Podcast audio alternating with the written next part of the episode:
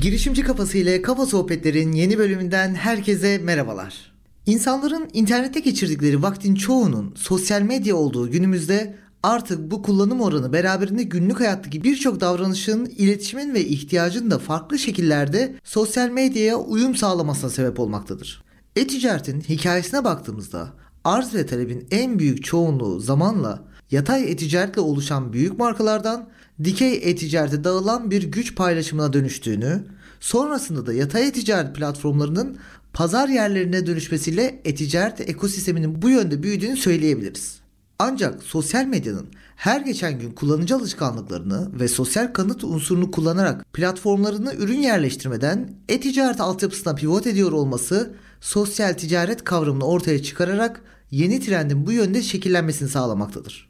Günümüzdeki internet kullanım oranlarının arama motorlarından sosyal medyalara kayıyor olması, ürün araştırmaktan ziyade influencerların da etkisiyle sosyal medyadan haberdar olarak ürün satın alma davranışımızın şekillenmesi bize sosyal ticaretin ne kadar büyük bir potansiyele sahip olduğunu göstermektedir. Tabi buna bir de sosyal medya platformlarının insanların davranışları üzerinden bir ürünü alma niyeti taşıdığını anlaması da sosyal medyanın ticaret üzerindeki gücünü artıran en önemli diğer bir unsurdur. Zaman tünelinde gezerken bir ürüne daha fazla bakmamız, zaman tünelini kaydırmayı o üründe durdurmamız, storylerde gördüğümüz ürünle ilgili hemen geçip geçmeme davranışımız, gönderileri beğenmemiz, bir ürünü beğenen veya kullanan ortak arkadaş sayımızın ne kadar büyük olduğu ve o arkadaşlarla olan etkileşim gücü sizin ürünleri satın alma noktasındaki değişen niyetinizi yorumlamada oldukça önemli metriklerdir.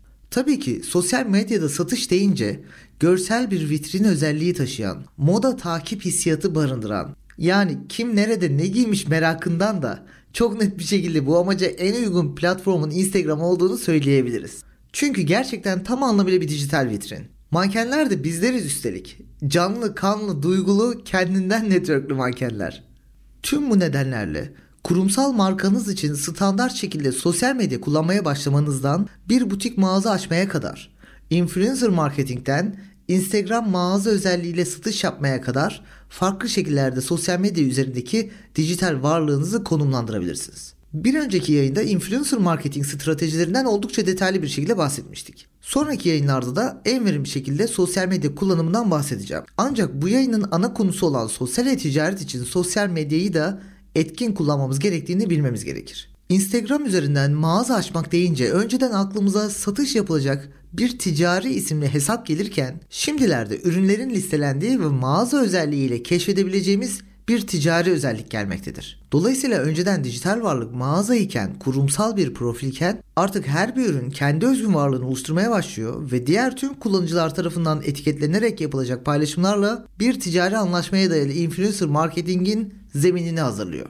Eğer bir Instagram profilinde gönderilerin, Reels videoların ve RGTV'nin yanında çanta ikonunu görürseniz bilin ki bir mağaza açarak dijital satış ile ürün listelemeye başlamış demektir. Bu mağaza ikonuna tıkladığınızda şu anki yapıda Instagram sadece ürünleri hesabınızın altında ayrı bir şekilde listelemekte ve mağaza keşfet özelliği ile ilgili kişilere ürünlerinizi göstererek insanların keşfetmesini sağlamaktadır.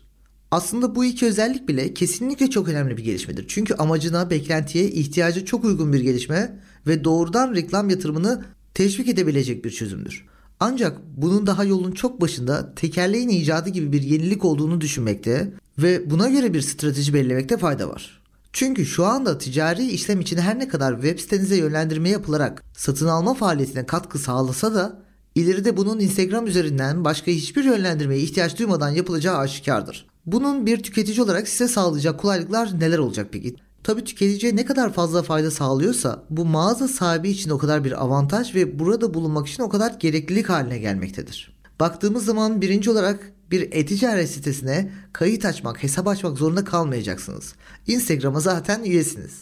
İkincisi belki sadece adres bilgilerinizi Instagram'a girmeniz gerekecek ve sonrasında sadece diğer sitelerde olduğu gibi bir adres seçim yapacaksınız.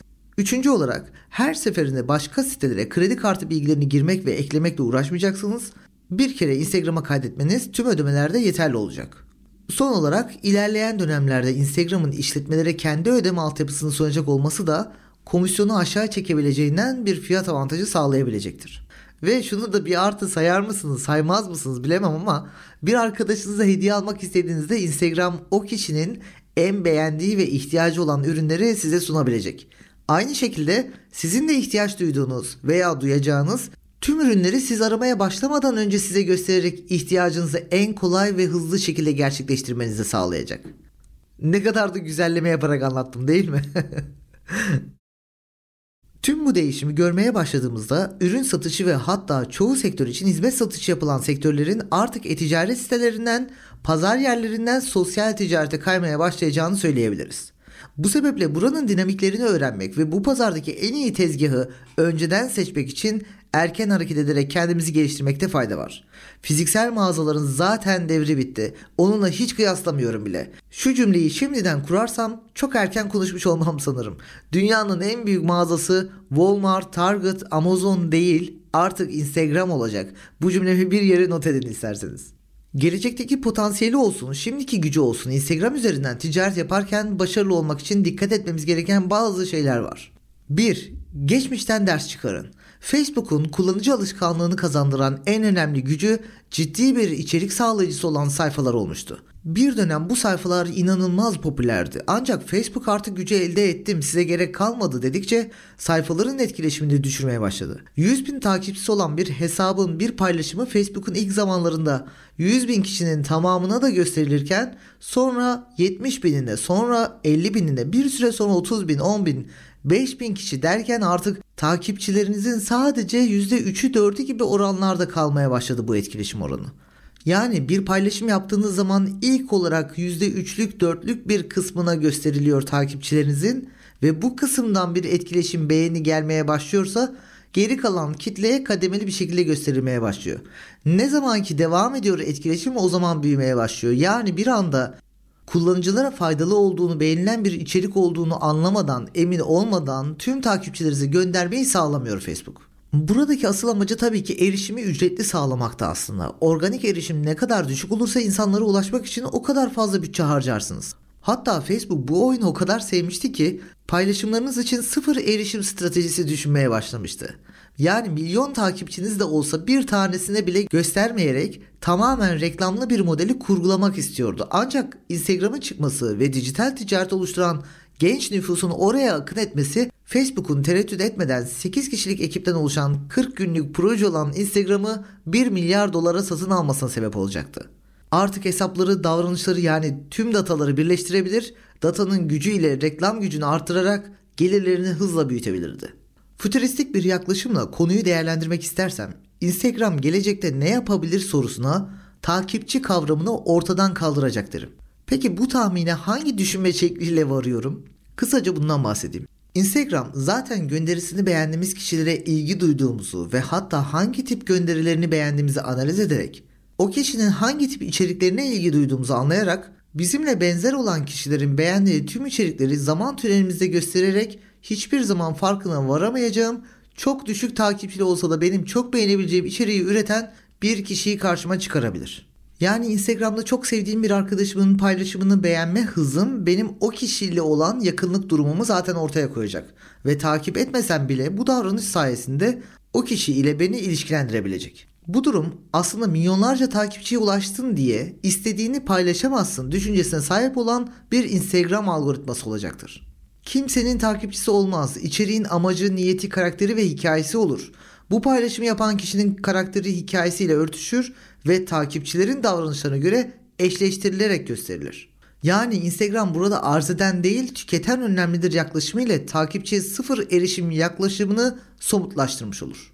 Tabii ki her ne kadar bu bir tahmin olsa da tüm planları bu yaklaşıma göre yapmak kendimizi çok daha başarılı bir şekilde en uzun vadeli plana uygun konumlandırmamızı sağlayacaktır. İşte buradan ders çıkararak gücünüzü takipçi kazanmaya ayırmaktan ziyade erişime ve etkileşime ayırmalısınız. 10 paylaşım yerine bir paylaşımdan 10 kat daha fazla nasıl etkileşim alırım sorusuna kafa yormalısınız. Çünkü her gönderi paylaşımı için hemen hemen benzer emeği ayırırız. Ancak çok az daha düşünüp yaratıcı bir fikir veya eğlenceli bir içerik ortaya koyarsanız o zaman o emeğin 10 kat hatta 100 kat daha fazla etkileşime sahip olabilirsiniz. Etkileşim tamamen bu paylaşımı görenlerin motivasyonuyla alakalı olduğu için belki o motivasyonu harekete geçirecek cümleyi kullanma şekliniz veya hangi kelimeyi seçtiğinize bağlı olarak değişecektir. Özetle takipçi değil etkileşime önem verin. Olabildiğince yüksek etkileşim alacak içeriklere odaklanın. Vereceğiniz emeği maksimum geri dönüş alacak şekilde zekice kurgulayın. Bunun nedenini şu bilgi çok daha iyi açıklayacaktır. Yüksek etkileşime sahip içerikler daha fazla beğenilir, daha fazla paylaşılır, daha fazla keşfete düşer, daha fazla takipçi çeker, daha fazla markanız sevilir ve sahiplenilir. Ancak iki ayrı gönderinize aynı bütçeyle reklama çıktığınızda iki kat beğeni alan gönderiniz aynı bütçeyle 3-4 kat fazla kişiye gösterilerek reklamın gücünü fazlasıyla artıracaktır. Çünkü reklam algoritması etkileşim alan reklamların çok daha düşük ücretlerle gösterim ve tıklama başı ücretlendirilmesini sağladığından bir reklamın performansının nasıl olacağını onun organik olarak beğeni ve erişim rakamları üzerinden çok kolay anlayabilirsiniz. Örnekle 300 beğeni almış bir içerik 100 TL ile reklama çıkılsa 3000 kişiye gösterilecekse eğer 1000 beğeni almış içeriği 100 TL ile reklama çıktığınızda 10-15 bin kişiye gösterebilirsiniz. Bakın size bütçenizi arttırmadan en doğal şekilde reklam performansınızı arttırma stratejisinden bahsediyorum. 2. Özel günleri kutlamak için kutlamayın.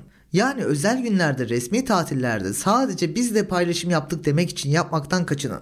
Özel günün duygusunun hedef kitlenizin beklentisiyle olabildiğince kesişimine odaklanın. Örneğin girişimci kafası olarak standart bir 23 Nisan kutlaması yerine çocukların girişimci ruha sahip olması sonuçları başarısız olsa bile çabalarının takdir edilebilmesiyle mümkündür gibi bir mesajla yaparız. Özel gün 23 Nisan Ulusal Egemenlik ve Çocuk Bayramı yani çocuklar, hedef kitlemiz ise girişimcilerdir. O zaman bu ikisini birleştirmemiz gerekir. İşte bu stratejiyle özel günleri kutladığınız zaman başarılı olabilirsiniz. 3. Zorunlu ihtiyaç olmayan ürünlerin duygusunu ön plana çıkarın. Zorunlu ihtiyacımız olan tüm ürünler için kalite ve fiyat noktasında bir tercih yaparız. Ancak zorunlu olmayan ürünlerde genelde tatmin, gösteriş ve statü duygusu ağır basar. Bu sebeple bir peştemal satışı yapıyorsanız standart bir şekilde fotoğraflarını paylaşmak yerine kullanım amaçlarını paylaşmak daha doğru olur banyoda askıdayken, dekoratif olarak bir yerde asılıyken veya evcil hayvanı sıcak tutan bir kullanımda veya şık bir dış ortam çekiminde bir mankenin üzerinde farklı kullanımlarda fotoğraflayabilirsiniz. Çünkü insanlar ürünlerden çok o duyguları ve ortamları satın alırlar. Fotoğrafın verdiği o duyguyu ürün sağlayacak veya o fotoğrafı çekilen ortamın hissiyatını o ürün tamamlayacak diye düşünülür. Bir ürünü fotoğraflarken veya ürün ile ilgili açıklama yazarken her zaman şunu düşünün. Bir tablo kimin yaptığı ve ne için yaptığı bilinmezse sadece görselliği ve asılacak ortamla olan renk uyumuna bakılır. Yapılacak ödeme somut kriterlerdir ve maliyeti üzerinden hesaplanılarak bir değer biçilir. Ancak bir ressamın yaptığı tablo hem o ressamın hikayesini barındırır hem de o tablonun hikayesini barındırır. Bu sebeple o tabloyu yaparkenki amaçları ve sebepleri anlatırsanız o duyguları taşıyan kişiler her o tabloya baktığında kendini bulacakları için artık onun değeri paha biçilmezdir. Çünkü kendisiyle özdeşleştirdiği duygulara para veriyordur. Kendi hikayesine para veriyordur. Bunun değeri o kişinin bütçesine ve kendisiyle özdeşleştirdiği o hikayenin kendisi için anlamına bağlıdır artık. Fiyatın üst limiti yoktur. 4. Müşterilerinize sürprizler yapın. Bu noktada yapabilecekleriniz ya onların sosyal medya hesaplarına bir bakışla anlamaya çalıştığınız kimliklerine yönelik güzel bir not eklemek ya da ufak bir hediye vererek ürünü kargolamak olabilir. Bu yaklaşım love mark etkisini artıran en önemli unsurdur ve sosyal ticaretinizi güçlendirebilecek en önemli etkileşim de bu sürprizin sosyal medyada paylaşılması ile olacaktır. Bu paha biçilmez bir yatırım mikro influencer marketingtir. Böylesi bir pazarlama için mükemmel bir fırsattır. Sadece o ufacık ürünü hediye etseniz belki paylaşılmaz ancak satın alınan ürünle toplamı artık önemli bir değer barındırıyor ve o kişiyi özel hissettiriyor. Bu fırsatları kaçırmayın. 5. Müşteri sadakat programları oluşturmaya çalışın.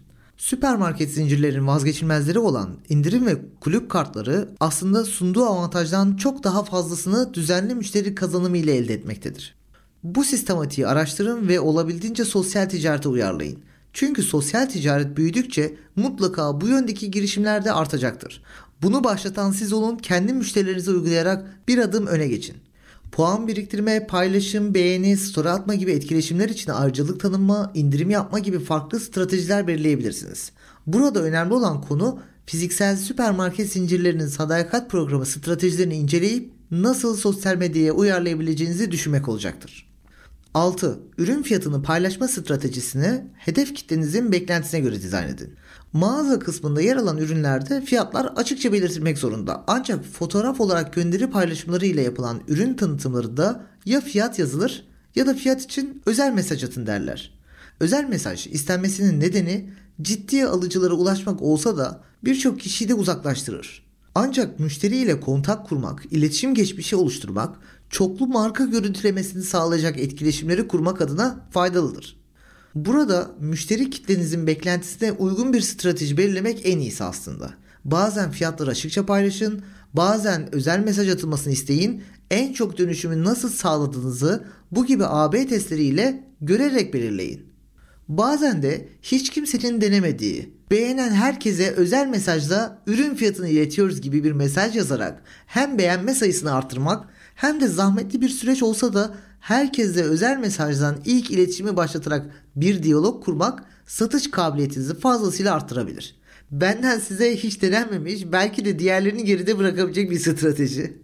7. Standart kalıplarla iletişim kurmayın. Herkesin yaptığı standart mesajları kopyala yapıştır yaparak üretilecek slogan ve kampanya mesajları sizi sıradanlaştırır. Kendi çizginizi oturtun.